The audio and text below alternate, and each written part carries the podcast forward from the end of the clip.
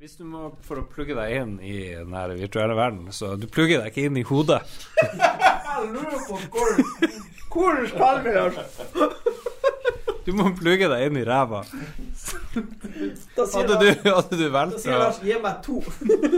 Gi meg to plugger istedenfor én. Still bare spørsmål. Still bare spørsmål. Nei, men eh, jeg sier bare kjør på. Jeg sier bare plug me in, Neo! Det hadde vært mye bedre film hvis sånn Nia måtte slide it in the bunghole. Å, så smelly! Jeg hørte til rykte om at det var faktisk eh, Det var snakk om at det skulle være sånn i Matrix Revolutions, men uh, Det var vel Lawrence, Lawrence Fishburne som insisterte. Producer sa nei. Det var derfor det var en ny Morpheus. OK. Are you ready? guess I am. Hvor er det vi er på vei her med? Jeg er på vei for å hente Mats, og han kommer om ett minutt. Ett minutt, stakkar. Ok, så vi er delayed. Nei, vi kommer også omtrent om ett minutt.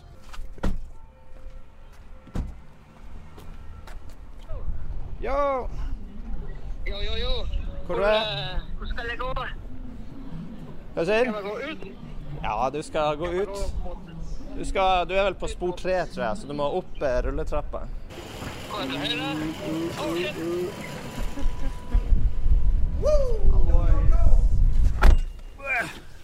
Hvordan, hvordan var 17. mai i eh, Sverige? Nå lager jeg content her, folkens! jeg, så, jeg fikk en snap eh, hvor det var et korps som spilte a-ha, eller sånn. Og så, hva mer skjedde? Hva, hva gjør man i Lund på 17. mai? Content times! Exclusive content! Det er noen som kjører rett over My god! For det er litt av rundkjøring her. Eller det er rundkjøring som ikke Det er jo det! Det var, Todimensjonal veldig flat rundkjøring. Den er gjort for at busser skal kunne drite inn, men han Ja, fremme, broke the law. Skal vi følge etter han og banke han opp? Nå kommer politihelikopteret snart. Skal vi se, vi, tar og eh, memoriserer numrene hans. Har dere sett MacGruber? Ja. Skal vi se hva er nummeret? Å, fuck, han er litt for langt unna. Hva har du tenkt, på, ja, Fredrik. hva har du tenkt å gjøre? FJJ 694. FJJ694, FJJ694, FJJ694. Jeg tror det er derfor vi bliper ut, egentlig. vi dokser han. Oi, oh. Det er ingen klipping her. Ingen klipping her. Å, se på han! Han er gal! Ja, Fredrik, du som eh, bor i Sverige, er det Har du brent mye Koran i det siste, f.eks.? Jeg har ikke brent så mye koran, men vi har jo en eh, idiot som gjør det. Men uh, Men han kommer fra Danmark. Ja, men han, han, er, han han? bor i Danmark. Han er liksom helt dansk, men han er halvt svensk. Jeg tror han er svensk ah, han har. Og han har eh, svensk pass. Ja, ok. For jeg Så tenkte, da- liksom, jeg, Hadde jeg vært svensk, så hadde jeg blitt irritert om han fyren som kommer og lager masse styr. Jo, nei, for jeg er litt sånn der eh, Men var det sånn at han prøvde å brenne den i Danmark, og så skjedde det ingenting? Og så fikk Han han, brente fikk, masse i Danmark. fikk han men ikke folk bare, reaksjon? til og med danskene hater jo han. Liksom. Ja, ok. det, det sier jo litt. At han er for liksom big, bigoted. Nei, men jeg er jo veldig sånn mi- militant eh, free speech og eh, alt sånt der. Vår far var jo journalist og alt sånt der, så det blir man jo milk, milk, milk eller breastfed med. Men uh, han der fyren der har i. Jeg bare orker ikke. Han gjør det jo bare for å provosere. Og ser ikke spesielt lur ut heller, liksom. Så jeg føler ikke at han har noe agenda, bortsett fra liksom å komme på TV og være Ja, for Jeg tror ikke han bryr seg om selve brenninga av Koranen. Jeg tror han bryr seg om det som skjer etterpå. Når folk blir dritsure, Liksom. Og da er det jo litt feil. Han vil skape konflikt. Ja. Hva kan vi brenne som vil skape konflikt, tenker jeg, hvis vi skal følge opp? Som bli Pokémon-kort som er verdt veldig mye. ja. Hva er det folk blir mest sur på for tida? Mm. Tror, eh, en brent TV-sender, altså at folk ikke hadde fått sett på TV. Det har vært veldig upopulært. Eller ødelagt internettforbindelsen til folk. Brenne det ukrainske flagget foran. ja. Men det er jo litt interessant, altså det, for vi, vi er jo små unger, og um, veldig sånn her, vi har liksom forsiktig fortalt om at det er krig og liksom alt det der. Bare sånn om de skal høre det fra noe annet, liksom, så har de litt ballast. Og, og liksom veldig sånn pedagogisk og alt det der. Og så kommer de jo hjem fra skolen, og så begynner de å prate om at de vil morde Putin, liksom. Ja. Så er seksåringer som vil drepe Putin. Jeg bare Hva, hva, hva er det som skjer? Ja, nei, jeg fikk høre fra din sønn Han drev hadde sånn fantasi hvor han kjørte over Putin med sånn eh, tanks eller jeg vet ikke hva det var. Ole smokes. Ja. Jeg går hardt for seg på skolen. Men, eh, men det er jo, når man bor i Sverige nå, så er det jo, det er jo litt som å bo i noe sånn her eh, vet ikke, krigsspill eller strategispill eller noe sånt der, når man ser på den Nato-greia. Ja, ja. jeg mener, Fra Norges side så kan man jo sitte der veldig sånn her trygg og ja, ja, det, det går vel, eller så går det ikke, liksom. Ja, I Sverige eh, så føler man litt, litt mer akutt, tror jeg. Nei, jeg har en teori om at uh, Hvis dere tenker tilbake til jeg tror, sånn- jeg tror vi må tilbake til 2014 eller 2015, når de skrudde på den der eh, supercollideren, eh, Large Hadron Collider. ja. Uh, liksom, det var da det begynte å skje litt sånne rare ting. Er dere enige? Da gikk vi inn i en alternativ timeline. Ja, jeg, begynner å tro mer og mer på det der. For det er jo sånn internettfenomen med at liksom, ja, vi er, vi er nå uh, i the dark timeline. Med Trump ble president og covid og Russland og det er Ukraina. Så jeg, begynner, ja, jeg føler at den eh, teorien begynner å ha litt mer vekt. Ja. Mm. Det blir mer og mer sånn bizarro. Ok, Russland, det opptar livet i Sverige. Har du gjort noe? Har du vært på noe skytterstevne i det siste, Mats? Uh, nei, ikke etter Nordreisa. Fins det noen sånne her X Games for dynamisk sportsskyting? At du kan fære til USA og TV? Ja, du har sånn her VM-nivå, på en måte. Så de bruker å ha De bruker å ha det en plass i verden, fordi det er jo en veldig internasjonal greie. Så jeg tror Jeg tror de har hatt det i Asia flere ganger og sånn. Men eh, problemet er at vi har Altså, du må være på landslaget for å dra til VM. Og jeg er ikke på landslaget. Hvordan kommer du deg dit? Jeg må være jævlig flink, da. Ja, men du driver jo og vinner hele tida. Ja, men jeg vinner nordnorske små stevner. Hvis jeg drar ned Sånn som jeg skal ned Skal ned i juli på et stevne eh, på Østlandet. Så jeg kommer til å bli grusa av de, de guttene her. Det, så det, jeg er ikke flink nok til landslaget. Men eh, jeg tror at hvis, hvis jeg hadde hatt liksom motivasjon og tørrtrent tre timer hver dag og vært på skytebanen to-tre ganger i uka, så tror jeg jeg har potensial til det. Men du må investere så sinnssykt mye. Det er sånn diminishing returns, ikke sant? Du får sånn her 75 ved å investere to timer i uka, og så må du tidoble den mengden for å gå, gå opp til 85% Og så må du legge på en ny som force multiplier. Det er som å komme opp i level 60 i en attributt i Elden Ring. Det er akkurat sånn, Lars. Ja. Det er diminishing returns. Veldig bra sammenligning. Etter 60 Du legger jo Forget poeng i det. Forget about it. Du får ikke like mye igjen. Ja, men ellers eller, Ja, vi hadde jo 17. mai-feiring i Harstad. Så hadde vi servering. Jeg lagde eplekake. Juhu. Det har jeg aldri lagd før. Oi. Huslig. Ja, litt å melde. Hashtag content. Canteen. Uh, har dere eh, fått med dere eh, det siste på internettet? Ja, Det er kanskje litt gammelt nytt, da, men det, jeg tror den kommer på fredag. Vi snakka litt om det kjapt i sted. Obi-Wan. TV-serie. Oh. Med Ewan McGregor. Med Ewan McGregor og han Hayden Christensen. Mm. Som Har de blitt betalt veldig mye, eller så har Hvor- karrieren deres gått helt i dass? Er det, er det her føler etter uh, Empire Strikes Back? Nei, dette er jo etter uh, Etter uh, Return of the Jedi. Nei, det er det jo faen ikke. Nei, det- er jo etter Sorry, det er etter Hva er den tredje episode tre? Hva den heter? Altså, det er Jar Jar Strikes Back? Jar Jar. Nei, det Er er Phantom Menace. Og så er det Clone Wars. Eller heter den Clone Wars? Jeg aner ikke det. Å, jeg kjenner jeg blir opprørt. Revenge. Jeg blir opprørt. Revenge of the Sith? Revenge er of det? the Sith. Jo, men Revenge det of er the det tror. jeg. Men det kan jo ikke være etter Revenge of the Sith, for da er jo han uh, Anakin helt toast. Jo, vet du hva? Det er mellom episode Jo, det er mellom episode 3 og episode 4. Fordi jeg så, jeg så denne teaseren, og da driver han Obi-Wan og er litt eldre enn han er i episode 3, naturlig nok. Men så driver han og er på Tatooine. Bor og- alene. bor alene og driver og spionerer på han eh, Luke Skywalker med kikkerten. Fordi han eh, eh, Han Luke Skywalker og hun Leia blir jo eh, separert fra mora fordi hun dør i episode tre etter å ha eh, hatt fødsel. Padme. Og så blir han Luke Skywalker sendt til Tatooine, til han der Uncle Owen. Og- Lars, Lars Owen, er det? Lars Ja. Og så blir blir lei Leia Hun blir jo far jo rett inn på Alderon og i The High Society. Men så jeg tror han Obi-Wan skal liksom passe på han Luke og drive og spionere på han og være litt sånn her eh, For en utrolig rar periode å lage Ja, men, men det som også kom frem i traileren, var at det, det blir noe sånn her crazy shit med noen Inquisitors og greier som driver og leter etter Jedis. Fordi etter Order 66 så var det jo masse Jedi som klarte å snike seg unna, og da lagde de noe sånn en orden som skulle jakte dem ned. Er det her en filmatisering av Anne Franks dagbok? Ja, jeg tror eh, det. Jeg tror det er det er det det er, vet du. Nei, så jeg vet ikke. Jeg vet ikke, jeg er sånn her eh, Av en eller annen rar grunn så klarer jeg ikke å slippe Star Wars. Jeg bare syns det er kjempekoselig. Men um, det blir jo litt sånn Ja. Mandalorian syns jeg var et friskt pust. Bobofett, Book of Bobofett var sånn her helt sånn ternekast tre. Ja, nei, men Mandalorian ga meg trua tilbake på livet. Ja, Det- ja jeg syns det var Jeg storkoste meg. Then they take it away. Ja, ja, ja. I thought I was out. Nei, men det blir spennende. Jeg har kommet på en beste ideen i Star Wars-universet i sted. Å ha en uh, serie om en protocol droid Mm. som uh, er litt sånn her uh, dårlig sosialt anlagt. Og, De kunne jo hatt, de kunne hatt en sånn eh, En sitcom med protocol droids. At du liksom har tre-fire stykk som liksom som bor i lag. liksom. Nei, nei, altså, de har, de har hver sine Altså, en protocol Road har jo en jobb, liksom. Han, okay, han er tolk. Han driver og stempler billetter eh, på sentralen. Men du følger dem ikke i jobbene sine. Du følger dem når de er ferdig på jobb og kommer hjem. For de deler leilighet. For de har veldig dårlig lønn. Så de har, de har ikke råd til eh, å ha hver sin leilighet. Så de har liksom sånn felles kommunal leilighet. Og så handler det om deres wacky shenanigans når de er ferdig på jobb. Er jo, Liksom. er jo Jennifer Aniston med. Ja, dette er Friends, da. Bare med, bare med protocol droids. Så jeg tror vi har en Ja, ja vi- nå begynner vi å- nå begynner vi å snakke.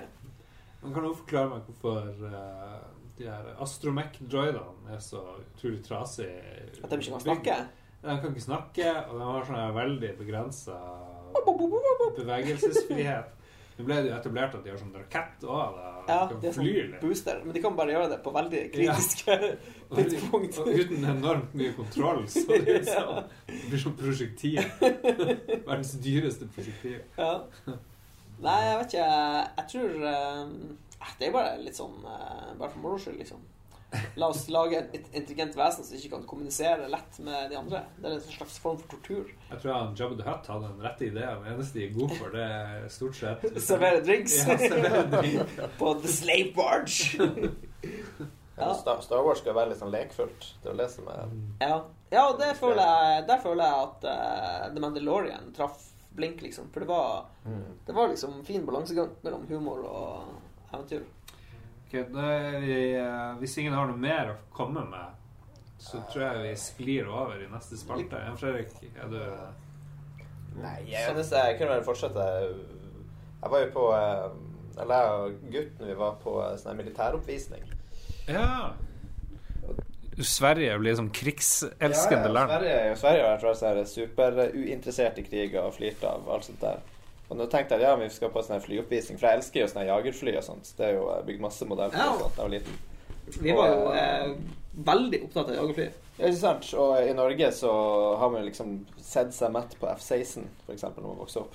Men her var det jo Jazz Gripen som skulle ha flyoppvisning. Så det hadde jeg lyst til å se. Men det var kult, i alle fall. Men det var så sykt mye folk. Så man merker jo at folk er Folk har endra seg her i Sverige. Det, det var sånn her eh, 30 minutter med kø liksom i bilen for å komme seg dit. Så det var kra- mye folk. Men Sverige produserer jo egne tankser og egne alt mulig. Så de får jo rundt og blaster med alt det der. Så Var dette nylig? da? ja, forrige måned. Altså. Ja, okay. Ja, ja. Rart at Sverige vil lage egne våpen. Sånne svære greier. Nei, men de er jo, eh, de er jo Vi er jo alliansefri, så de skal ikke kjøpe inn våpen fra noen. Alt skal gjøres sjøl. Så Sverige gjør sine egne ubåter og alt mulig. Så det, så det er Endlo, som Ukraina har fått. De er jo, det er jo britiske BAE eller noe sånt som eier det. Men det er svenskprodusert. Så det er Saab som så det er er en MLO? Enlo det er en sånn antitanks uh, ja. Så Rakett, eh, sånn infanteribasert våpen. Så nei, Sverige er jo uh, armed, armed to the teeth. Hva var det kuleste du så på airshow? Nei, men det var Det var jo svensk, så det var bare ett fly som fløy rundt der. Men eh, han prøvde å fly så sakte som han kunne. Så han fløy sånn liksom eh. Ja, eller han, han eh, vippa opp 45 grader, ikke sant, og så kjørte han jo Altså nesten sånn gåhastighet. Og så bare blæste han på afterburneren og bare for rett opp. Og litt sånn looper og hit og dit og sånt. Ja, det er kult, da. Men, uh, men når vi var på Formel 1 når vi var på for, Ja, ja, flares. Når vi var på Formel 1 i Italia, så var det Hva da, flyoppvisning med seks fly som gjorde det samme, liksom. Men uh, Ja, ja da ikke det jo form formasjonsflyging. Ja. Ja, ja, det var det. Right. OK, uh, nå må vi ha noe musikk. Uh, er det noen som har noe, noe musikk på lur?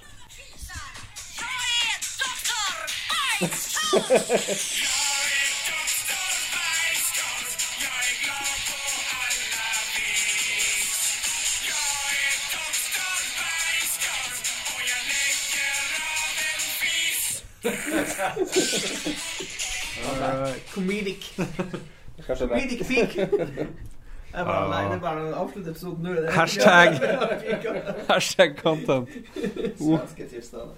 Ah, hva har vi spilt i det siste, folkens? Boom, boom, boom. Vi kan begynne med Mats Rindal eh, Eh, Johansen. Jeg, spi- eh, jeg snakka jo om dette i forrige uke, men jeg har spilt litt mer av uh, The Warmer 40 000-spillet. jeg har. Ah, Chaos Gate, Demon Hunters Har du spilt med det der um, Rogue Legacy 2? Uh, Nei, vet du hva, det, har jeg blitt, det, måtte, det ble faktisk satt eh, på pause til fordel for uh, Chaos Gate. Uh, men ja, det er veldig bra spill, faktisk. Overraskende. Og det var en ting jeg glemte. Vi, kort forklart, eh, det er XCOM i Warhammer 40 000-drakt. Eh, du spiller Grey Knights eh, som eh, driver og purger og moser eh, kaos, og så kommer det dukket opp en Inquisitor som bare hopper om på skipet ditt og bare tar over hele skuta og insisterer på at dere skal undersøke undersøke eh, noen Nurgle-aktivitet. Eh, Men det var én ting jeg glemte av å nevne. Fordi jeg ja, det ros. eh, Fordi hvis Space Marinesene dine blir skada, så kan du fortsatt ta dem med på missions. Og det, det er så bra endring. Du mister maks hitpoints basert på hvor hardt såra, men du kan fortsatt ta dem med. Så det er ikke sånn 'Å nei, han ble, han ble såra, liksom. Nå er han ute i 40 dager'. Veldig, veldig bra endring. Og den andre endringa som jeg glemte å nevne, er jo den beste. Ja. Og det er RNG. Altså i XCOM så er alt eh, I hvert fall XCOM 1 og 2 så er, er alt du gjør av actions, er tilfeldig. Så hvis, altså Utfallet Utfallet er tilfeldig. Så hvis du skal prøve å skyte et romvesen, så kan du ha alt fra 20 til 80 til 95 sjanse for å treffe på skuddet ditt. Og så husker jeg det var alltid sånn iffy i XCOM, for det er sånn ja, OK, skal skyte OK, 80 sjanse til hit, så skyter du. Miss. Skyter en gang til. 82 sjanse til hit. Skyt på nytt. Miss. Så jeg husker det var sånn mm, Føles ikke så 80 når du bommer for tredje gang. Men det som er helt sprut awesome i eh, Demon Hunters, er at det er ikke RNG. Så alt, det er det som eh, den, De har liksom tatt litt, dratt litt inspirasjon fra sånne her eh, kortspill og sånn, hvor de prøver å fjerne så mye RNG som mulig. Så du treffer alltid når du skyter. Men hvis det er veldig langt unna, så får du redusert skade. Hvis fienden står i cover, så får du ytterligere redusert skade. Så hvis du står på lang avstand, og de er i hardcover, så gjør du ikke skade. Enkelt og greit. Det, du har to faktorer som fjerner skade. Da gjør du null skade. Sorry, Mac. Og så er det, det der går igjen hele tida. Det er liksom eh, Det er nok RNG. Eksempel crit chance. Eh, det er en prosent sjanse. Men det er greit. Fordi, men vanlige treff og sånne ting er, det, det er bare Det bare er Det bare har faste tall. Jeg har spilt XCOM både på PlayStation og på uh, iPad. Jeg syns det er nesten bedre på iPad. For det er veldig sånn der- sånn commander-greie. Da Ja, du bruker, kulere fing du bruker fingrene liksom. Du Ja. trykker 'gå dit' og 'gå dit'. Så, og det, det er ikke noe sånn grafisk tungt spill. Det er veldig enkelt i animasjoner og grafikk. Og, Så det kan absolutt være et iPad-spill. Uten tvil. Jeg tipper om uh, 18 måneder så har vi dette spillet på iPad. Dere hørte det her først i Lolbua. Oh, shit. iPad exclusive. Ja, det der blir du å spille, bror, tror jeg. Jeg tror det blir vel ikke det. Jeg har, lyst til, jeg har lyst til å avslutte episoden nå, for det, Warhammer er jo det kuleste som fins. Det, det er nesten kulere enn Star Wars, syns jeg. Det, Altså, sånn helt seriøst, hvis du bare setter deg ned på internettet og går på Wikien til Warhammer 4000 og bare trykker deg litt rundt på Det er så bananas, den, eh, den låren. Og det, jeg tror faktisk vi blir å se Det har jo tatt seg veldig opp i spill For vanligvis så har jo alle Warhammer 40 000-spill vært elendige, men nå har de fått litt damp. Eh, og så tror jeg faktisk vi blir jo eh, Hvis ikke jeg tar helt feil, så tror jeg faktisk de driver og jobber med en, eh, en TV-serie. All right. Bror, hva du har spilt? Jeg har spilt- Nei, jeg må si jeg har uh, lang liste med failures. Jeg prøvde å downloade masse tid uh, som småbarnsfar. Så bite-size-spill på uh, iPhone Uh, og, og, og lignende. Men det er bare drit. Eller ting som jeg har lyst til å like, men som liksom ikke helt har uh, Sånne der FTL-clones og sånt der. Det er ingenting som har festa. Men jeg hadde noen spill som jeg spilte med ungen, i alle fall, så til andre småbarnsforeldre, som heter Ah. Supersharp. Så det er bare sånn helt geometrisk. Du får en skjerm der det er noen blokker, og så skal noen blokker treffe andre blokker. Og så måten du gjør det på, at du skjærer litt sånn her Fruit Ninja, nesten. Ja. For at det er ikke noe, det er ikke noe stress, liksom. Så du bare får liksom tenke til. Her skal jeg gjøre et kapp, og så gjør du et kapp, og så detter ting liksom hit og dit. Og så er det om å gjøre, og det er sånn puzzle. Så det var jo helt OK. Men det er sånn fysikkbasert på et vis. Ja, men det er liksom noen ganger går tyngdekrafta nedover, noen ganger går den oppover, noen ganger går den både ned og opp. Ja, men det er noe med sånn fysikkgreier. Det skal ikke så mye til for at det er ganske gøy å bare Mm. at ting skjer. Det er jo hele konseptet bak eh, Angry Birds. Det er jo at ting raser ned sånn en viss, med en viss realisme. Så kan jeg komme Knuse ting. Jeg kan komme med et bedre tips, egentlig. Um, for det er et, en app som heter Choreful. Um, jeg vet ikke om eh, Det er sånn der Men samboer... Vi vi er ikke i anbefalingsspalten, men OK, vi driter i anbefalingsspalten. Vi tar det nå. Ah, ja, eller hva jeg har gjort Det er det man klager jo, eller man som samboere med unger, så krangler man jo hele tida. Og det er vel i ni av ti tilfeller så er det vel eh, damer som går rundt og gjør herren i forholdet dårlig samvittighet for at hun gjør alt, og herren gjør ingenting. Så det er noe som har kommet på at man kan ga gamifye det her. Så de har en app der så begge har appen på sin telefon, og så legger man inn masse chores. Eller det er masse chores som er lagt inn der, men du kan legge inn egne oh også. Og så er alle verdt poeng. Og så hver gang du gjør noe, så bare trykker du i appen at du har gjort det. Og så, kan man, så får man poeng, og så ser man hvem som har vunnet, liksom. Men dagen. det jeg lurer på da, er, er det noen eh, chores som er verdt mer poeng enn andre? Kan du metagame dette spillet? Ja, men det, det er ganske liten sånn Hvis hvis du finner ut at Ok, den der er verdt fire poeng, men du kan gjøre det på like lang tid som den som er verdt to poeng. Så hvis du gjør det to ganger, så har du åtte poeng. Jo, jo, men det, det er jo litt det som skjer, for at vi, vi, vi Jeg downloada det, og så viste jeg det til henne, og så, og så begynte hun bare å legge inn 800 ting på direkten som hun hadde gjort den dagen. Og bare «Aha». Men da blir det sånn at når det er et spill, så er det et spill. Så da begynte jo jeg å gjøre masse. liksom Begynte å tømme oppvaskmaskinen og sånt der, for jeg skulle jo slå. Men eh, Så jeg vant jo den dagen, men uh, hun, hun vant vel også, på en måte. Plutselig gjorde du masse mer enn det. Ja, men det var, altså Dynamikken i forholdet endret seg jo helt vilt. Men uh, vi, vi, det, vi holdt på en eller to dager. Så du dager. anbefaler så- den, men anbefaler den ikke? Ja, men det var, det var litt weird, egentlig. Det blir veldig ekstra, som et slags eksperiment? Ja, ikke sant. Men det Om man vil det spice, Men var du, spice up var du overbevist om at du gjorde mye mer enn det du egentlig gjorde? Jeg er overbevist om at om det er et spill, så skal jeg vinne. det er vel eh, Ja. Men det, det var interessant, kan man si. Det gjorde et eller annet med, med sy psyken, da. Men så klart, det er jo ikke perfekt. Men uh, Hmm. Hva du kalte du det? Choreful. Chorful. Ja, okay. Ja. Så, men jeg tror det var norsk fra begynnelsen. Jeg tror det heter Samboer. Ja, jeg tror jeg har hørt om det. Og så eh, jeg bytta dem navn for at det skulle bli mer internasjonalt. Så. Mm. Få Jamaica-medaljen, Lars. Ja, ja. De har en medalje som går på rundgang. Nå er det han som He's the winner. Mhm. Jeg tok jo med gave til eh, min bror. En A500 Mini. Fikk endelig prøvd den. Og der er det jeg tror det er noen 30 og noe spill, kanskje. Ja, det Ish. ganske, eh, 25 spill. 25 er viktig å være Og vi har prøvd en del av dem. Vi har, vi har sp- du har Alien Breed mm, Special Edition, Ja. som er litt sånn eh, alien-klone-ish. Alle vet vel hva Alien Breed er? Ja, ikke alle vet jo ikke hva Alien Breed er. Come on. var var- Skam, skam dere. Gå Men de, de stjal jo basically Xenomorphen fra Alien-franchisen Ja. og lagde en sånn shit, top down shooter. Ja, det er en klassisk toplayer-coop i romskip. Og det som er litt spesielt, er at du har veldig lite ammo. Du har sånn forferdelig lite ammo. Og så har du veldig lite nøkler, og alle dørene i det jævla skipet er låst. Om, om å rygge i en dør, så låser man det opp med nøkkelen. Så det Ja, Hvis du bare er i nærheten av døra, så bruker du opp en nøkkel og bare God damn it. Og så er det sånn enorm collision detection på de karene, så dere, du kan ikke gå forbi den andre. Er det trange ganger, og man Ja. bare, bare går, går i hverandre hele tida. Ja. Ja. Og så, så kommer det bare ali- aliens spående uendelig ut av sånn hull i skipet. Så det kombinert med lav ammo, få nøkler, er, er vanskelig. Springer som faen. Ja, og så ser alle gangene like ut. Så man går i det jævla skipet og skal finne sånne ting og tang, og så ser bare alt likt ut, og så har du altfor få nøkler, og så, og så blir det mye frustrasjon. Men vi begynte å tegne litt. Hjelper kanskje ikke så mye, men vi kom oss nå et par levels. Vi kom til level 3, tror jeg. Level 3 av 50, sikkert. Ja. Alien Breed 1? Det første, liksom?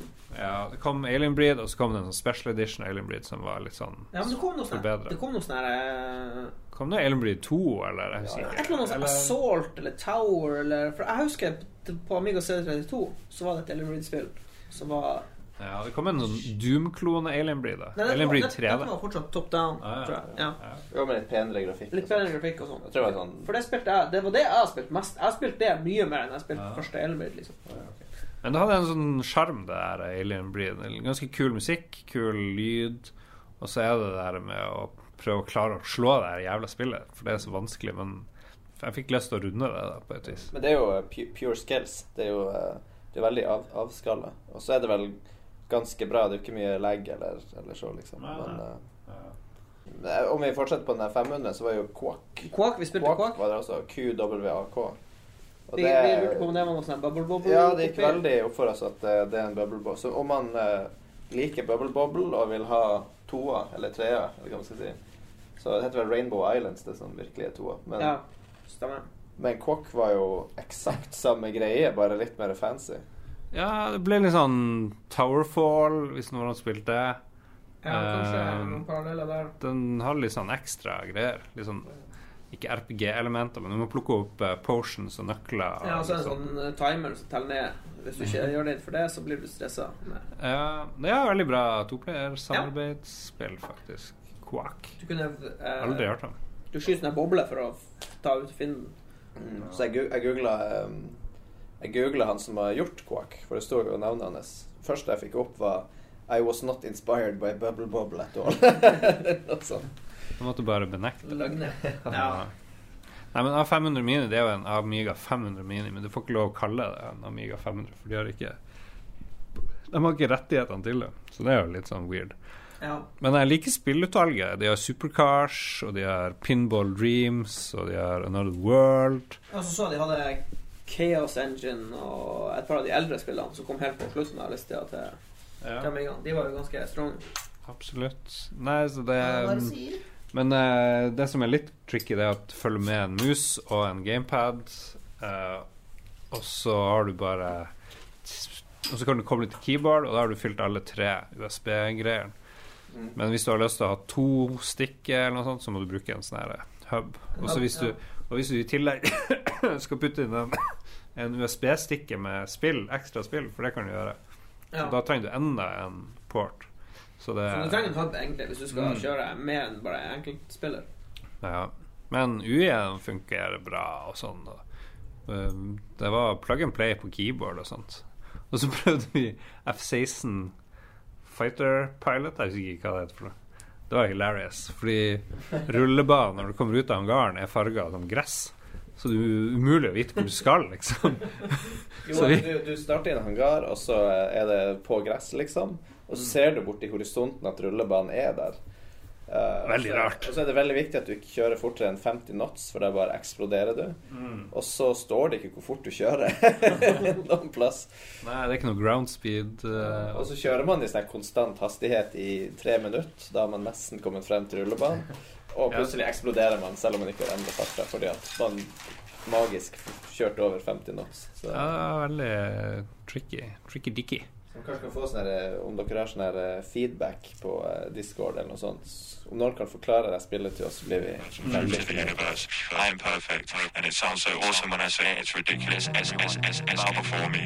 for fornøyd. Jeg anbefaler damefrisør eh, veldig høyt. Jeg tror ikke det er fra Norge i det hele tatt. Eller Danmark eller noe. Som De har bare to sanger på Spotify, men det, det er veldig bra. trenger du egentlig to sanger. Hvis du har en bra en og en dårlig, så har du dekka hele. Det er 50 hit rate. Skal vi se. Vi har bedt om eh, bidrag fra lytterne, og vi har fått utrolig mye bra. Er vi fornøyd med årets Eurovision? Selvfølgelig måtte Ukraina vinne, men det var heldigvis et år med historisk lavt nivå. Jeg er jo superuenig. Jeg syns det var bra nivå på Eurovision i år. Jeg, jeg vet ikke hva bror syns, eller Nei, det Mats. var awesome. Det var eh, min, min samboer. Hun, var, hun bodde i lag med han som eh, Som barn med han som eh, skrev den svenske låta. Så mm. Mm. Han Ikke broren hennes. Nei, for han vant jo med Heroes. Nei, men det var Dav David Sandén som skrev den her Hmm. Hva er den svenske låten het? Jeg glemte allerede. Men ops. Nei, vi så jo hele greia hos deg, Lars. Eh, Ja. Jeg, hadde, jeg hadde egentlig tenkt å Jeg hadde jo hadde det travelt. Jeg måtte jo eh, Hva var det Jeg husker ikke. Det var noe som skjedde. Du Jo, skulle bake kake. skulle bake kake. Ja, stemmer. Jo, for det var Jo, det var eh, barneselskap. Eh, men eh, Nei, altså, jeg syns det var ålreit. Jeg syns det var mye bra sanger. Mm. Det var bra, bra show. Hva var din favoritt? Jeg tror favoritten min var Espania. de fikk, de fikk maks, maks score på antrekk og uh, catchy sang og Ja, nei, vi drev alle og skrev poeng og sånt. Ja, vi Mod moderen ga dem sånn ett artig poeng. Ja, og Ågot var ikke så happy med Spania sitt bidrag, men jeg syns det var stor, stor MG, MGP-faktor. Enn at Ukraina vant, er vi, har vi noe sterke Jeg syns det var bra at Ukraina vant. For ja, altså, det skal ikke være politisk, men vi må gi dem litt uh, kjærlighet, tenker jeg. Ja. Og det er publikumspoeng, så de kan få så mange publikumspoeng de bare vil. Ja, ja. Men det, men det egentlig jeg tenkte på, det var jo den der eh, serbiske låta. Du har egentlig gått Ja. videre. Jeg bare jeg elsker sånn weird shit. Ja. det De må vaske hendene. og- Ja, ja, Ja, det var konge. Det Ja, var, morsom. Ja. det var jo depth i den. Hun skulle jo liksom være mentalt syk, liksom. Det er jo det som er Ja. hele greia. Vet du hva, jeg likte faktisk eh, Når vi snakker om Når vi gikk enda mer inn i jeg, jeg, jeg likte Portugal sin med den der bestefarsangen, Eller hva var det? Var, men det var en veldig fin sang, da. Men de kunne jo aldri vinne. Det var helt noe sånn der eh, Namaste Nei, det heter ikke Namaste. Nei, Namaste. Jeg tror det var en sånn svensk kommentator som sa at den eh, portugisiske sangen var omtrent like interessant som å se på noen ha sånn samtaleterapi. Men det var en sånn Det var en sånn veldig rolig ja, ja. Altså, den, den stikker ikke hodet ut, for å si det sånn. Så det var Det kunne aldri vinne, da. Yeah, Mats, har du noe bidrag? Um, ja, han Hans GM lurer på hvilken serie har beste introlåt. Ja, vi Twin Peaks er jo høyt oppe. det, vel, det første jeg tenkte på Mm. Det første som bare spratt i meg, det var Airwolf. Oh. Det var liksom det første jeg tenker. Det helikopteret som flyr rundt i ørkenen med den fuckings awesome synth-tracken der. Hell to the yeah. Men om man tar med filmer også, så er jo Beverly Hills Cop Det er jo veldig mye Miami Vice. Ja, det er sant. Vi kan, ja, for når han spør oss serie, så kan vi strekke det ganske langt. Ja, På en måte. Miami Vice var Det er jo helt sinnssykt. Det er sånn 80-tall eh, synt, litt sånn aggressiv eh, Mm. krimsynt. Det er jo bra. Det her er Streets of San Francisco. Hell yeah! Og Carl Molden og uh, Clark Michael Douglas. Michael Douglas, Michael Douglas er jo skitgammel. litt trompet. Han tok sin funk på alvor på den tida der. Ja.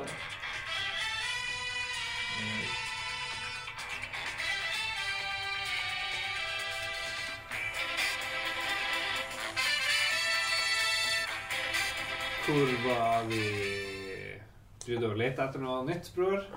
Ja, det er ikke helt eh, instinktet for hva lytterne liker eller ikke. Men jeg fant den weirde sangen i alle fall. Men Ok, eh, vi kan, Den kan avslutte hele, hele greia. Det er veldig flott. Ok. Eh, vi får fortsette videre i eh, kommentarfeltet her. Han eh, Kristoffer Karlsen lurer på om vi har trua på multiverses. Undrende emoji. Snakka om multiverse, da. Ja, han sier multiverses, så jeg måtte google det. For jeg trodde også han mente multiverse. Ok. Eh, men multiverses er visstnok et um, spill som kommer, som er lagd av Warner Bros. uh, som er et sånn her eh, beat them up-spill med karakterer fra uh, Warner Bros. og Discovery-katalogen. Så vi kan ta en skjermdump her, da. Så da har vi Da har vi en Batman. Vi har Aria Stark. Bugs Bunny. Finn the Human. Garnet. Harley Quinn. Jake the Dog. Uh, Raindog. Shaggy. Steven Universe. Supermann. Tom og Jerry. Wonder Woman. Og mer som skal komme. Så ja, ganske sånn Det høres uh, umiddelbart helt forferdelig ut. kaotisk samling uh, karakterer. Men uh, ja, altså Nå er jo ikke jeg Jeg er jo sannsynligvis den som spiller minst slåssespill i hele Norge, så jeg vet ikke Jeg tror ikke jeg er i demografen. Eh, Du, Lars, du har jo kjøpt Mortal Kombat uh, Digital Collectors Edition hvert år. Uh, hva, er ditt, hva er dine umiddelbare tanker? det første jeg tenkte, var at det var skikkelig trasig. Men jo mer jeg funderer over kombinasjonen Aria Stark og Nasse Nøff og jeg vet ikke hva det. Jo bedre, bedre må det være. Ja. Men blir det sånn Tekken, eller snakker vi Smash Bros? Eller Mm, grafisk så det er, litt, det er litt vanskelig å si, fordi den skjermen jeg så, var bare sånn character select. Så jeg er litt usikker, faktisk. Men om, Hvor- om, om, vi skal, om vi skal tvinge oss ned memory lane, så uh, Første slåssespillene, jeg tror med deg, Lars, så var det vel Mortal Kombat i London på en arcade. Ja. Og med Mats så tror jeg det var Virtua Fighter 4 Ja, på eh, i Stavanger. ja, På Arkaden på, på eh, Kvadrat. Ja, ja, i, Ja, vi spilte mye Virtua Fighter der. i 92 eller 3 eller 4 Ja, eller eller det var midt, midten av 90-tallet. Og det, eh, det var, men det var flere slåssespill. Det var også det der eh, Husker du det der eh, hologramboksespillet som var helt absurd dårlig og vanskelig? Og det, var sånn det, det var sånn gimmick, skikkelig gimmick-arkademaskin. Det var sånn hologrammaskin. Ja, ja, og så var det noen sånne bokseaktige greier. Det var bare helt forferdelig Det var kult å se på, da. Mm, ja, litt. Men det var sånn forvirrende, for det var Du måtte stå på akkurat rett vinkel og få rett lys. Men jeg husker Virtual Fighter var helt konge. For det var, det var ekte 3D, ikke sant? Ja. Ja. Nei, det- Fighter var veldig stort en stund, og så nå i dag så virker det som om det er ingen Det har ikke noe legacy, nesten. Nei, Street Fighter og Tekken og Mortal Kombat uh, moste vel Virtual Fighter. i Men en- hva, hva var egentlig greia der? Um, hvorfor var arcade-maskinene så jævla mye kraftigere enn For det var jo Arcade-maskinene var utrolig mye bedre på grafikk. En liten Ja. stund der, liksom. Ja, de hadde en sånn før de blir helt ordinære, De liksom. kjørte vel bare mye mer uh, dyr eh, greie som de Ja, stappa så, inn. og så tror jeg det var um, Altså, det var um, Det var én maskin med ett hardware-oppsett som skulle spille ett spill. Så det var sikkert veldig lett å optimisere og altså, sette, altså få innstillingen rett og sånn. Mens når du kjøpte en, et, en NES, eh, så måtte du jo kunne spille masse forskjellige spill. Og, altså, du måtte kunne alt, på en måte. Så jeg vet ikke om det var at, at de var så De var så spesifikke. At det var derfor de var så bra akkurat der og da. Jeg vet ikke. Jeg bare husker da man var liten, så man var jo veldig opptatt med å følge med sånn her 286, 386, 486, 25 megahertz, Mm. Men du visste, du visste at det, det kom til å være dårligere enn den arkademaskinen. Ja, hvis, sant. hvis, hvis du heide på sykkelen og sykla til Kvadrat og spilte timecop der, liksom, så kommer det til å gruse den trasige 386-en din hjemme, liksom. Ja, men det er jo bare så merkelig at man ikke visste hvor mange megahertz den der greien var, liksom. Og sånt der. Men så klart, den var vel så spesialisert at det kanskje ikke så så mye. Ja. Vi må, vi må hente inn en ekspert på Ja. akkurat det her. Håkon Puntervold spør, spør hvordan været er i Dubai. det var veldig bra vær ved ankomst. Eh, Det var helt blå himmel og sol og Jeg vet ikke hva temperaturen var, men det var varmt, da. Nå er det, men det som er litt spesielt, nå er det begynner å bli mørkt her, og det er litt uvant for meg, for i Harstad nå så blir det nesten ikke mørkt. Det er jo lyst ja. Lyst sent på natt. Men været er veldig bra. Kan Ja. upåklagelig være i Dubai. Og som det bruker å være i Dubai, ingen regn. Han eh, Vegard Linland, Lindland spør om hva vi tror resultatet og konsekvensene av rettssaken til Johnny Depp og Amber Heard blir. Det er alle, alle får eh, si bye-bye til sin verdighet. ja. Er det noe- er det noen vinner her? Er det noen Nei, jeg tror, uskyldige? nei, jeg tror, jeg tror ikke det er noen vinner. De har vel litt svin på skogen, begge to. Ja. Det eh, Det tror jeg òg. He helgarderinga. Men jeg tror, jeg tror hun oppriktig trodde at hun var Altså Det virker som hun har noe issues. For det virker som hun trodde at hun var helt uskyldig og hadde en veldig sterk sak og kunne ikke Kunne ikke komme negativt ut av det. Og så tror jeg kanskje hun begynner å ombestemme seg til nå. Jeg har sett noen sånne klipp av advokaten hennes som liksom sitter og offer i rettssalen og ser opp i taket og sånn, så det er jo sikkert aldri et bra tegn. Ja. Vi dundrer på videre. Yo. Uh, Bjørn Bjelland uh, lurer på hvordan spill skal vi spille på Tilt på fredag? Ah, yeah. Nå er, nå er jeg utdatert på arkademaskinene på Tilt, for jeg har ikke vært der på to pluss år. De har noe ny Mario Kart-maskin. Han, han Philip snakka tidligere i dag. Var det på Tilt?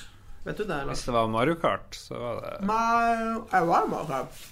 Jeg, Nei, jeg vet ikke. Jeg så ikke den snappen. Ja. Jeg skal spille alle spillene på Tilt. Ja. Jeg liker Noe jeg syns er veldig artig, det er jo det der eh, ishockeyspillet. Det er veldig gøy. å holde på med. Det er jo analogt. Det å, det er hvor du eh, Ja. styrer de guttene, liksom? Ja. Ja. ja, det er morsomt. Så det, det gleder jeg meg kanskje mest til. Ja. Av en eller annen rar Å spille ishockey. Del Agerpa. Hello, Del. NRK-serien Enter e-sport og e-sport generelt. Er det en boble? Uten tvil, ja. Det kommer aldri til å bli stort. Tror du ikke det? Nei, Tror du ikke e-sport blir stort, Lars? Nei, jeg tror det er, det, det er noen losers, noen nerds i en sånn gymsal eh, som sitter og laner. Det kommer aldri til å Ingen som gidder å se på det. Er ikke det en milliardarena? Nei. ok. Nei. Nei, men da hørte vi det her først. Eh, Jeg må innrømme at jeg har ikke sett um, Enter e-sport på NRK, så jeg kan ikke si noe om det. Men jeg har fulgt e-sport fra veldig spede eh, start til det det er i dag. Um, og det eneste som er litt spesielt med e-sport kontra vanlig sport, er at um, eh, La oss si La oss ta for oss fotball. Altså Hovedprinsippet til fotball er det samme det er nå som det var for 20 år siden. Det har vært noen små regelendringer. Eller la oss si 40 år siden. Det har vært noen små regelendringer, men liksom fotballen Du kan sette deg ned og se en gammel fotballkamp, og det, det er det samme som de spiller i dag, mer eller mindre. Altså meta Metagame har endra seg litt med filming og VAR og sånne ting, men Og det som er spesielt med e-sport, er at plattformen du bruker, er jo et faktisk spill som er konstant endring. Unntaket er Counter-Strike og til en viss grad League of Legends og de der litt gamle spillene. da. Men på et tidspunkt kommer jo Counter-Strike til å bli bytta ut, mest sannsynligvis. Tror du det? Kanskje ikke? Eller, ja, det er litt vanskelig å si, men det har vært tilfellet så langt. Counter-Strike var ikke med fra starten av, av e-sport. Det var ikke det første e-sportspillet, liksom. Så jeg vet ikke. Men jeg tror, jeg tror ikke det er i boble. Det tror jeg ikke. Men jeg er litt, jeg er litt bekymra for at, at spillene går ut på dato, og så må du starte på scratch. Ikke sant? Tenk på de som har spilt Det spiller de Starcraft ennå, f.eks.? Ja, men det er ikke så populært i eh, Vesten. Altså det, jeg tror det er ganske populært i Korea fortsatt. Men um, strategi, strategispill bare gikk på en smell, Ja. rett og slett. Når, det var når Dota og det kom. Fordi de slåss om samme plass, ikke sant? Dota og League of Legends slåss om samme seerne som Starcraft. Så ble det sånn blodig kamp, og så, ta, og så vant Dota og League of Legends. Men problemet med e-sport er jo at eh, man blir veldig alene. Man sitter alene og gamer, og så blir man kanskje kriminell, Ja. eksempel.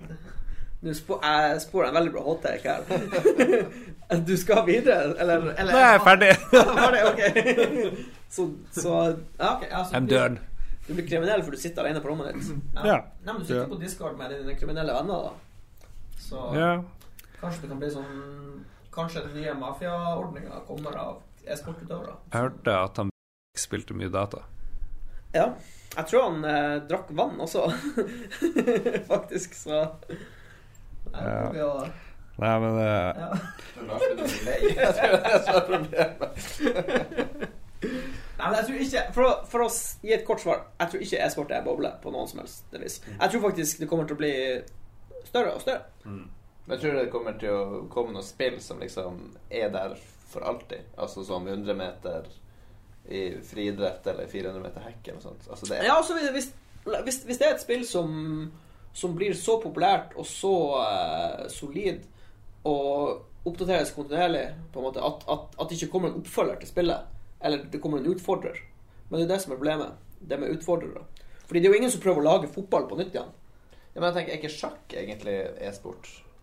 Altså sånn som eh, Markus Jo, det burde- jo. Så, så lenge de sitter online og spiller Sjakk, sjakk. burde egentlig være en e-sport. e-sport. Ja, med en gang de er, spiller det digitalt over Men de viser det jo mye på Twitch nå, så det sier Ja, litt. ikke sant? Og det taler også for at sjakk egentlig er en e-sport.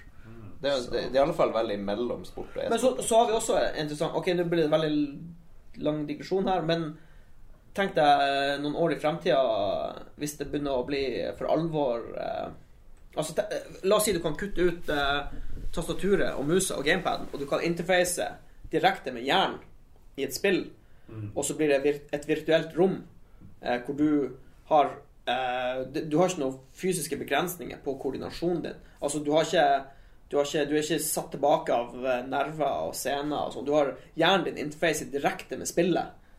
Eh, og så har Eventuelt, når VR-briller endelig slår igjennom. ja, Jo, men jeg tror, jeg tror vi må gå rett Jeg tror vi må gå rett fra, fra skjerm, tastatur og mus til direkte interfacing. Jeg tror, jeg tror ikke VR-briller er veien. Det er for knotete og, og upraktisk. Men når vi kommer til det stadiet, og du begynner å ha e-sport innenfor den verden, så tror jeg vi da, da kan vi begynne å snakke. Da kan, for da kan du Altså, da blir det lettere for, for seere å se på. Jeg, jeg, potensialet er, er der, for Kristoffer uh, Getboys. Eh, Kristoffer Getteboys Hansen har ikke noe spørsmål. Han vil bare unne oss Dubai-ferie. Det var hyggelig. Uh. Uh. og så har vi han eh, Torbjørn Preus Skau, som lurer på om Er Bob Hund et av tidenes band fortsatt poppis i Sverige? Og hvilken låt er best?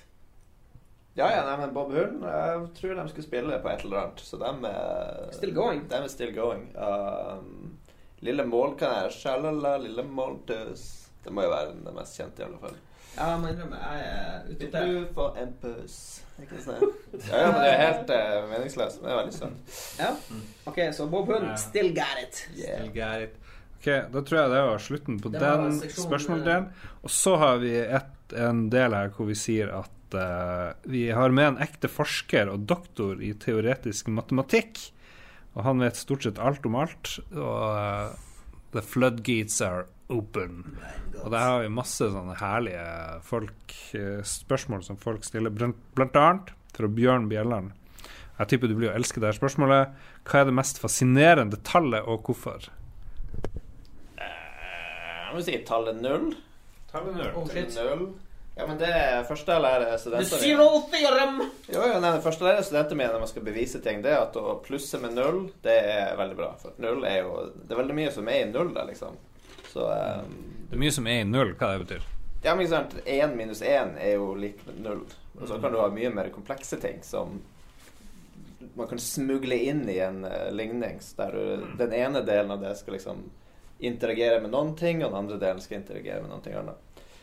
Og på samme måte multiplisere med én er også et veldig bra triks. For at uh, ja. Nei, men så null og én Så 0 og 1 er det kuleste. de er, de er egentlig superheltene blant tallene, da, egentlig. Og de er jo også eh, det som brukes i det binære systemet. Ikke av sant? Mm.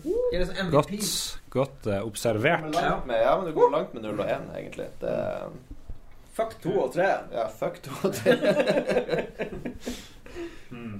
Han uh, Joakim Strandberg eh, lurer på hva syns matematikeren om den norske ølsalgslovgivninga slik den er i dag? Hva syns Bua om matforgiftning? Vi må ta ett spørsmål om gangen her, tror jeg. Okay, ja, det var Jeg kan, jo, jeg kan jo si med en gang at jeg sykla jo rett før sending for å kjøpe litt sånn nødøl. Det ble det jo bare, og det var jo etter klokka åtte, så det hadde Ja. ikke gått i Norge. Åh, fy faen, altså. Men, Nei, jeg eh, men uh, i Sverige har jo sin egen med at jeg kunne bare kjøpe 3,5 folkeøl. Som egentlig er ganske greit, for at når man skal sitte og drikke utover kvelden etter du, man treng, du trenger ikke Nei, Jeg syns uh, man smaksløk, Ja. Smaksløkene eh, skal du Du skal drikke ordentlig øl frem til klokka åtte på en hverdag. Og så etterpå så kan du kjøre litt folkeøl, og så er du frisk og fin dagen etterpå. Veldig bra. Og så var det Hva synes Bua om matforgifting? Ja, det er jo et nødvendig onde, er det ikke? Ja. Vi må jo ha bakterier eh, for å kunne ha immunforsvar. Jeg er alltid, alltid like lykkelig når jeg er matforgifta. Det er fantastisk. det er jo litt sånn fin som purge. Ja, Du får blåst ut litt. absolutt. Det er en sånn I stedet for å gå på sånn fancy, trendy Tar- Tarmskyld Ja. og sånn. Ja. Så tar du bare god gammel, gammel eh, fisk. Eller uh... Du, du går inn i sentrum, og så går du inn i bakgata, og så spiser du bare det første du finner oppi søppel, søppelkorga der. Ja. Det gjør jeg hele tida. Jeg gjør det en gang i måneden. Eh, og hva er vårt beste triks for å komme seg undead gjennom hele Halo Infit? Infitte? Infitte. Infit. Det er det Oi. Oi, det spøker det. Spooky. Vi bare ignorerer akkurat det det var, der. jeg tror nå har han Nå har han vært på butikken og kjøpt eh, folkeøl og uh, blitt uh, Ja. Men takk for innspillet innspill, Joakim. Uh, Magnus Eide Sandstad, hva er det mest, mest fascinerende siffer? Er det en forskjellig fra tall? siffer, ja? ja. Et siffer er vel gjerne fra null til ni, er det ikke det? Et eh, Ah. tall er gjerne bygd opp av flere siffer. Så 342 har tre siffer. Men det, det er jo, har jo også med hvilket tallsystem du bruker. Ja. Hva er ditt favoritt-tallsystem? Jeg syns jo titallssystemet er ganske lett å bruke, men eh, som vi var inne på, totallssystemet jo det binære er jo, eh, Men er- jo sjarmfullt. Er titallssystemet arabisk? Eller er det Eller er det aliens? fra en annen plass? Det Ja, det Jeg tror indisk. In- Inderne. Det var inderne. Ja. Som, men in, indere som fra Østen. begynte med symbolene, tror jeg. Man har sikkert brukt det lenge for den tid. ja. Hvordan bygde de pyramider, Jan Fredrik? Var det aliens? Stein for stein, tenker jeg. Det var aliens som la stein for stein. Eh, alle som har spilt Zack McCracken, vet jo den egentlige sannheten. Så Ja, det er sant. Han eh, Ragnar Veien Tundal lurer på Er 0,99 det samme som 1? Eller akkurat han har 0,99 og så en sånn en sånn- Tilde. En sånn tilde. En sånn, tø- en sånn tilde. Det samme som 1. Hva betyr tilde? 0,99999 og bare masse nye i all Han har skrevet sånn. Ja visst. Så er det det samme som én. Absolutt. Ja. Ja, ja. takk for det. Sånn er det. ja. Men jeg synes det er ting som vi Ikke sant, Når du begynner med matematikk på universitetet, så skal vi faktisk bevise ting og forklare hva ting egentlig betyr. Og da er jo det der en av de tingene vi gjør de første par ukene. liksom, og bare Det her er noen ting man er forvirra over, og vi beviser liksom fra aksiomene. Uh, ja. En annen ting er jo hvorfor minus minus én er én. er også en sånn der greie som folk er forvirra over. Hvorfor i hel helsike må det være sånn? Hvorfor minus Altså minus én ganger minus én, hvorfor det er én, eksempel. Ja. Ja, Det, er, det, er, det kan vi ikke gå inn på her. Nei. Nei. Perler, perler forsvinner. Hvis jeg er minus 1 eple, Ja, så ganger du og så ganger jeg det med 1 Minus én. Min- ganger det med minus ja, da, da er vi Ja. Det går ikke an å bruke eplene, da. Nei. Nei. Kan du bruke egg? Men det Hemmeligheten der er jo at matematikken har jo noen aksiomer liksom som man starter fra, og det er jo omtrent som regelboka til RISK eller noe sånt. Og så må du bare bruke de reglene for å komme deg litt ulike veier. En av veiene man kommer, er f.eks. til at 0,999 er 1, og en annen ting man kommer til, er at minus 1 ganger minus 1 er 1. Så bare man kan reglene og vet hva man starter med, så Ja, men jeg lærte faktisk en ny, jeg lærte faktisk en ny regneting i dag på Twitter. Eh, hvis du har en sånn prosentregning, så lærte jeg Altså, la oss si eh, La oss si du skal Du får et spørsmål Hva er så fort Hva er 5% av 75? Så er det litt vanskelig å ta på stående fot. Men du kan faktisk bare snu på det og tenke Hva er 75 av 5? Det er det samme. Svaret er det samme. Så det er ja, en liten eh, med, Jeg føler ikke at det hjelper meg så mye. Jo, det blir lettere å regne ut det. Lars. Har du en kalkulator, så er vel Ja. det greit. Men Det blir litt mer manageable, i mitt hode i hvert fall. Ja. kommutativitet Men det, det, det forutsetter at du har et stort tall og et lite tall. Det hjelper ikke hvis du har to relativt like tall. Da, blir, da har du ingenting å hente på det. Ja. Ok, skal vi se Eh, Presse det for det Ja, Vegard, Vegard Fossum lurer på Er det tull å dele på null, eller er det urban legend?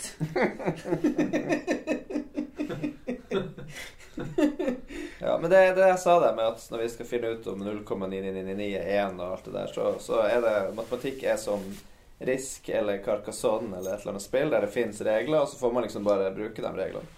Ja. Og i de reglene så står det ingenting om hva som skjer når man deler på null. Det er liksom ikke definert, så man får ikke lov å gjøre det for at det er ikke med i regelboka, helt enkelt. Kristian Kjørsvik Gravem Han lurer på hva doktorgraden din handler om. Oi, oi, oi. Den handler om Dirichlet-serier. Så det er når analyse møter tallteori. Ja, Hva du syns du om det, Mats? Jeg var jo med på disputasen Nei, jeg var ikke med på disputasen, men jeg var med på festen etter disputasen. da var du jo med på feiringa av eh, ja. Ja, Jeg husker, jeg husker du fortalte den, den gang da om hva det handla om, men jeg til Jeg forstår, forstår fortsatt ikke helt hva det handler om. høydepunktet på feiringa, feiringa var når det kom en sånn kollega innom, og så ga han meg en veldig dyr flaske vin og liksom gratulerte meg, og så gikk han for at han var ikke sånn stor festefyr. Og det første jeg gjorde, var at jeg åpna en dyr flaske vin, og så forsøkte jeg å helle den på hodet mitt. Jeg tror jeg mislyktes, for at resten min var ikke neddynka i eh, rødvin, men jeg prøvde i alle fall. Ja. Så, så, det var jo kanskje et eh, mirakel, egentlig. Det var Guds, Guds hånd som mm. redda meg. Bare for å eh, bare for å understreke hvor bra den festen var, så måtte jeg ha låsesmed for å komme meg inn i leiligheta. Så klokka åtte på morgenen borte på Ul- i Ulstadløkka Ja. i Trondheim. Mens vi var så relativt bakfulle, så gikk vi to ganger frem og tilbake. Ja, vi får lete etter nøklene. Det var, helt Det var krise. Men det var veldig bra. Gode Nei, jeg, jeg- Jeg husker deler av det der, der at du forsvant en stund, Ja, og så kom du tilbake. tilbake. ja, men? Fantastisk fest. Jeg bodde jo inne på et kjøpesenter. Jeg Ja, det er stemmer det, ja. Feature med festen, men det ja. uh, hvem er best i matte, nordmenn eller svensker? Det er fremdeles Kristian Christian Kjørsvik Gravem. Vanskelig spørsmål, men jeg tror nordmenn har vel uh, historisk sett de største navnene. Nils Henrik Abel, Sofus Lie og litt sånt der. Men svenskene er sikkert litt bedre akkurat nå, tenker jeg. Kanskje. Vet ikke. Men jeg tror ja. norsk, eh, norsk gymnas eh, er bedre enn svenske gymnas på matematikk. Så mm. Norge, Norge er um, up, up and coming. Nice. Ja, Jesus. Du får, du får ta Alexander Hakestad. OK. Hvis én delt på null er uendelig, og to delt på null er uendelig, er alle tall egentlig de samme? Eh, Jeg går ut fra han mener nå i dette scenarioet hvor du deler på null, altså én eller to eller Ja. jeg synes, jeg hadde ikke allerede etablert gjennom en ørn at å dele på null er bare tull? Ja, jeg, ja. Så da, da I call Han bullshit. fikk ikke, han fikk ikke fucken. I call bullshit. Ja. Men uh, om det er så to Men er det, er det uendelig? Er delt på null uendelig? Det stemmer jo ikke. Nei, ikke det. Nei. Men det han mener, er jo at om du tar to, og så deler du det på noe som du slider mot null Ja, altså det er så nært null som mulig. Nei, det Nei, gir ikke mening. Men om du tar to, og så deler du det på um, du har ikke sånne datafolk. Del på en, en variabel, og så la- lar du den variabelen liksom gå mot null. Altså Ja. du gjør den mindre og mindre. 0,1 Den er i bevegelse. 0,01, Så vil jo det resultatet du får, være i bevegelse mot uendeligheten. Ja, men dette er sånn det er ting, ting er ikke statisk. Ting er ikke statisk, og du kommer aldri helt til null, og du kommer aldri helt til uendelighet. Ja, Men Det høres ut som Windows krasjer på et tidspunkt. ikke sant. Ja. Ok, han eh, Jonas Flatjord lurer på hvor mange desimaler av pi kan du på rams? Dette er veldig bra live-check. Jeg kan, eh, jeg kan 3,14. Så, eh, Hva- hva- Vet du hva det første tallet er etter firetallet? Jo, men jeg, jeg kunne masse, for det er jo sånn som man skal imponere studentene. Men det er lenge siden jeg orka å gjøre det. Men 3,1415 vet jeg. Ja. Men tallet E kunne jeg ganske mange av. Men det er ja det i stedet, da. 2, Å, jeg kan 2 Nei, 2,72184 Nei, 1,8 ja, 1,84, 1,84, 45, 90, 45 Eller noe sånt. Jeg tror jeg missa, men det skal være 2,72, og så er det Ibsens fødselsår, Ibsens fødselsår, og så er det 45, 90, 45. Han Ibsen var kanskje født 1828 eller noe sånt. hva, tall var det her vi snakka om? E. Yeah. ja.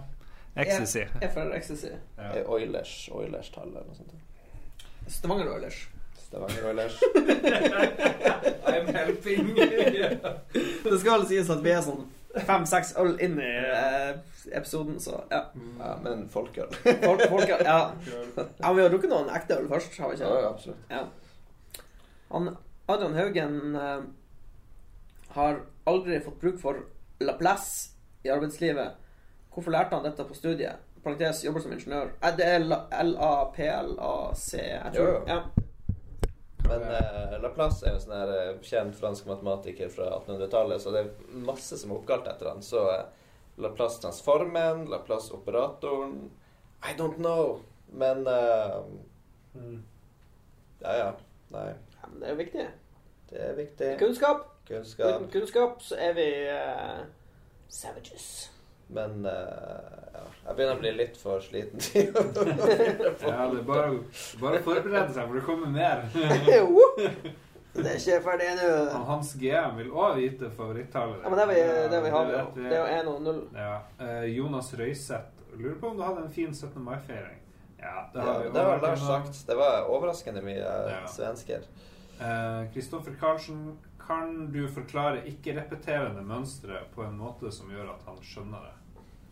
Han tenker sikkert på sånne der, eh, kvasikrystaller à la Penrose tilings og sånt. Okay. Det, um, ja, men det, det fins Du kan jo um, tile, sier man vel på engelsk, eller gjøre sånne mønster. Så du kan jo, om du skal legge gulvfliser, kan du si, så er det veldig lett om alle er kvadrat. For da kan du gjøre et mønster som fortsetter i all uendelighet. Problemet er når du skal legge mønster på den måten med ikke rektangulære eller ikke triangulære eller whatever, liksom. Og da er det vel, om man går i sånne gamle arabiske moskeer og palasser og sånt der, der så, så fant de ut hvordan man kunne ha litt sånne weirde former, liksom, som gjorde at man kunne legge sånne her tiles i all uendelighet og få Ja, for de møtes igjen på et tidspunkt, på en måte. Det blir det noen slags Ja, eller de har faktisk klart å få ikke-periodiske, som det heter. At, at mønsteret ser ut som om det er det samme hele tida, men det er hele tida litt annerledes. Så det er litt sånn, det er vel beslekta med fraktaler, på en måte. At eh, det er sånn gjentagelse som som uh, Cthulhu Det er sånn du vekker Kutulu. Ja. for, for lang tid og sånn. Og så er vel greia at det var en eh, amerikansk matematiker, eller britisk kanskje, Roger Penrose, som på sånn 50-60-tallet fant noen sånne former, eller kombinasjoner av former som man kunne gjøre det her med. Og så syns folk at ja, men det var jo morsomt, og matematikere, hvorfor betaler vi dem, liksom? Uh, men så begynte folk å se visse sånne krystallstrukturer i Når man drev på med sånne røntgen, altså røntgenstråler mot ulike materialer og sånt, så så man at visse sånne krystallstrukturer faktisk var ikke sånn regelmessig som man trodde at de alltid skal være, men at de faktisk fulgte de her uh, arabiskaktige uh, mønstrene som man der Penrose da oppdaga igjen. Og så, eh, så har det kommet masse matematikk fra der, så nå er det et, eh, Eller ti år siden kanskje, så var det veldig hett innom mitt område, faktisk, det her med kvasikrystaller. Nå er Det litt mindre hett, kan man si. Men det, um, det fins både i kunst, og det fins i krystallografi, og det fins i matematikk. Så. Mm. Crazy shit. Syns vi, syns vi avslutta episoden der, men vi har dessverre én million spørsmål. Vi har fått, vi har fått Ja, vi har én, to, tre, fem spørsmål til. Vi kjører på. Ja, ok. Hans GM kommer med det beste matematiske spørsmålet så langt. Ville, ville vi hatt pikk som nese eller nese som pikk?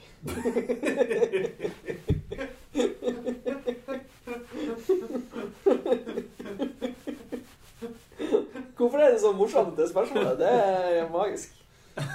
Det første jeg tenkte, var Selvfølgelig ville jeg hatt en nese som pikk, for det er jo helt mad upraktisk å ha en eh, slapp, slapp penis som henger i ansiktet. Men det kan jo også på en måte være litt sånn power move.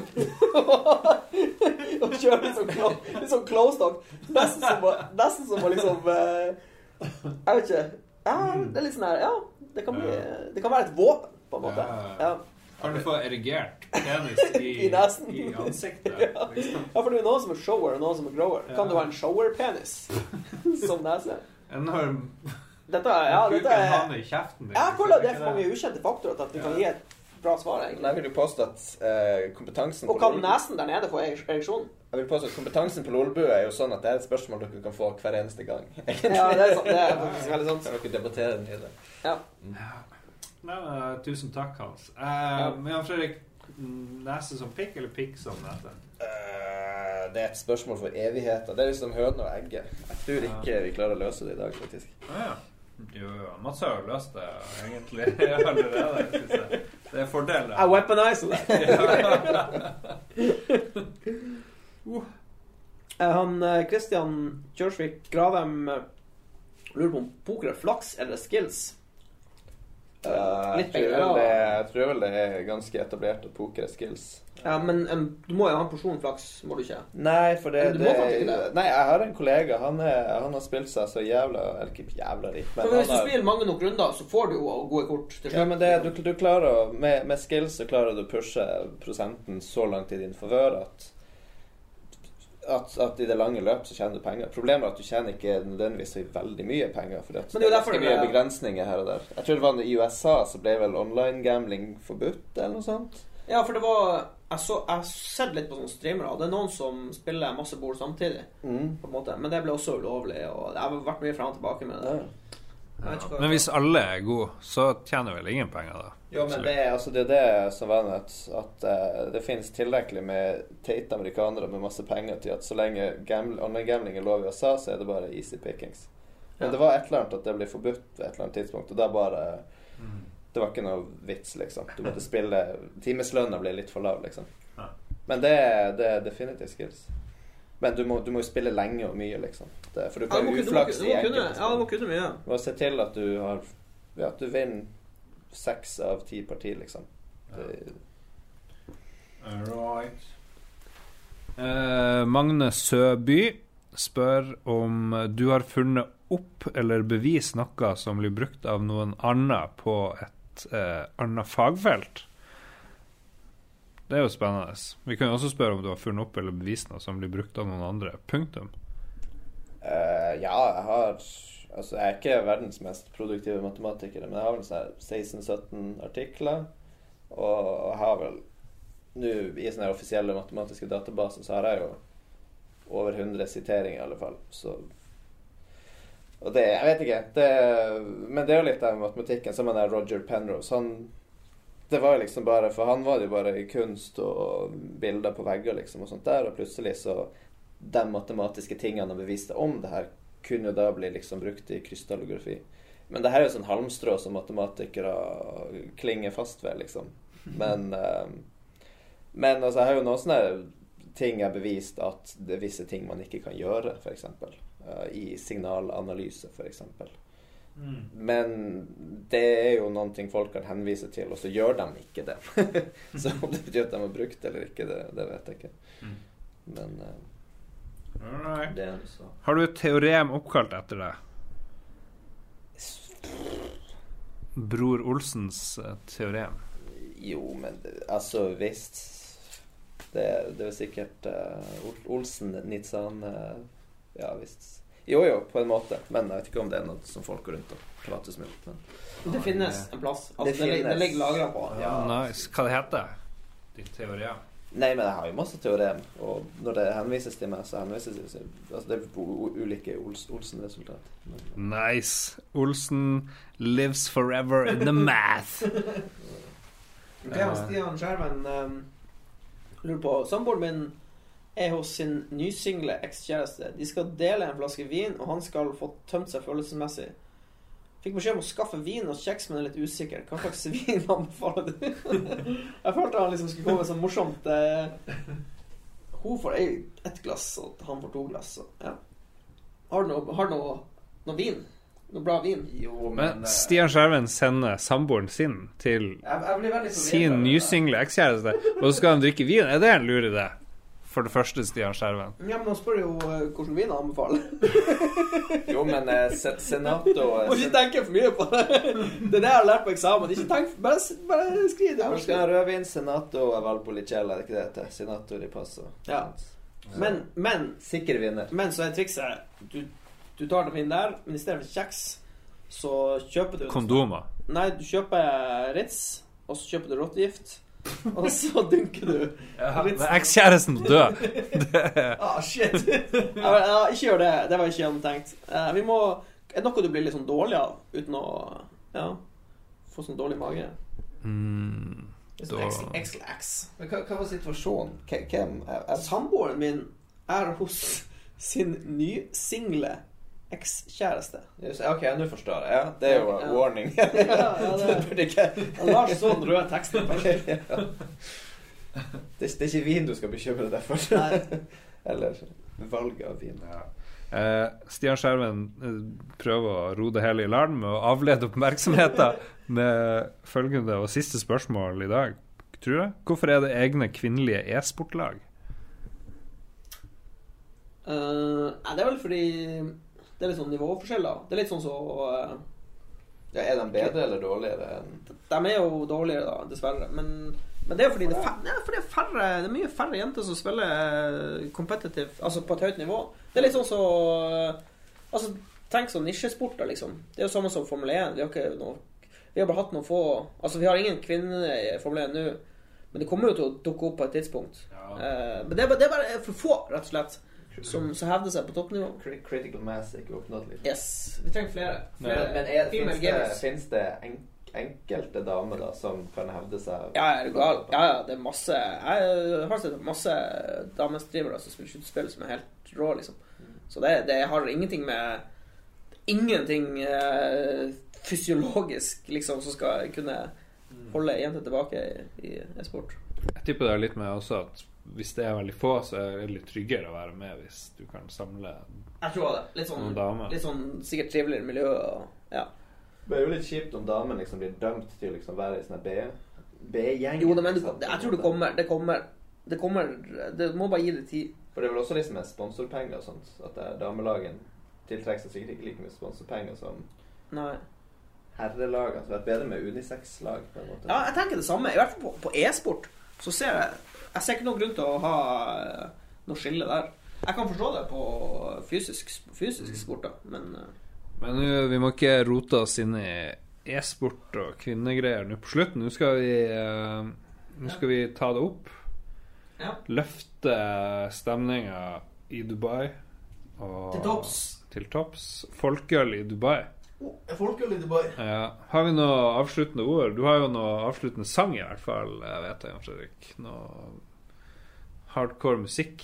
Ja, ja, ja. eh, skal vi det her lurt. dyp, dyp kunst. Tenk Serbia. Er Ja. eh, Hva er, hva er det beste med Sverige, Jan Fredrik? Hva er, hvis vi avslutter Eventuelt Dubai. eh, det beste med Sverige Er det ikke. Det er bedre mat her.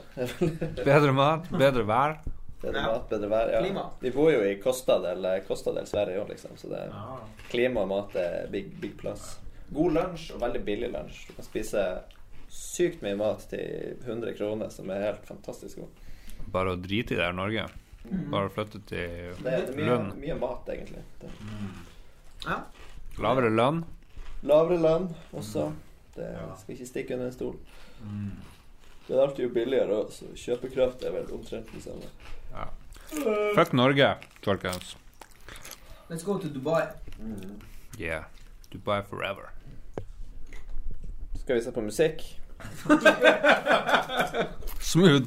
Smooth. Jeg, tar ikke, jeg tar ikke. Men det her er Miss Kitten og The Hacker. Oi, fuck. Vent litt. jeg tenkte litt eh, Jeg bare spolte litt inn i den sånn nå.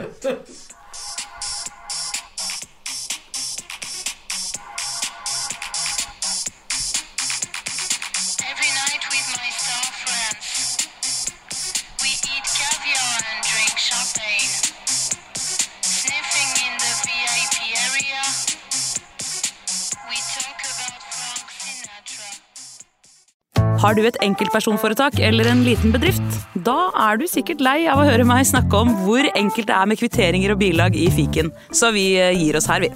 Fordi vi liker enkelt. Fiken superenkelt regnskap.